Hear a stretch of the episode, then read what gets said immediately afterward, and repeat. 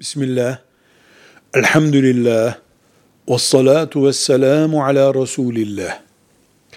Tefsir, Kur'an-ı Kerim'in ayetlerinin, surelerinin açıklanması demektir.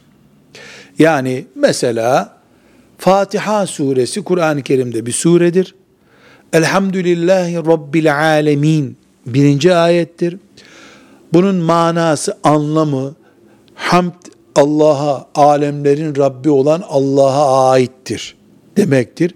Bununla ne kastedildiğini açıklayan ilme tefsir denir. Hamd alemlerin Rabbinedir sözü, yani alemler nedir, hamd nasıl yapılır, bu zorunlu mudur gibi ayrıntıları gerektiriyor. Bu tefsir ilmiyle ortaya çıkar.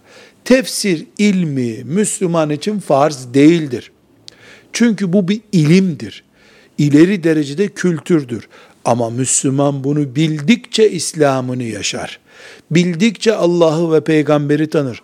Cenneti, cehennemi tanır. Dolayısıyla ortada bir doğal gerekçe ve doğal sonuç var. Nedir o? Tefsir senin Müslümanlığında kalite demektir. Ama farz olmazsa olmaz şeyin adıdır.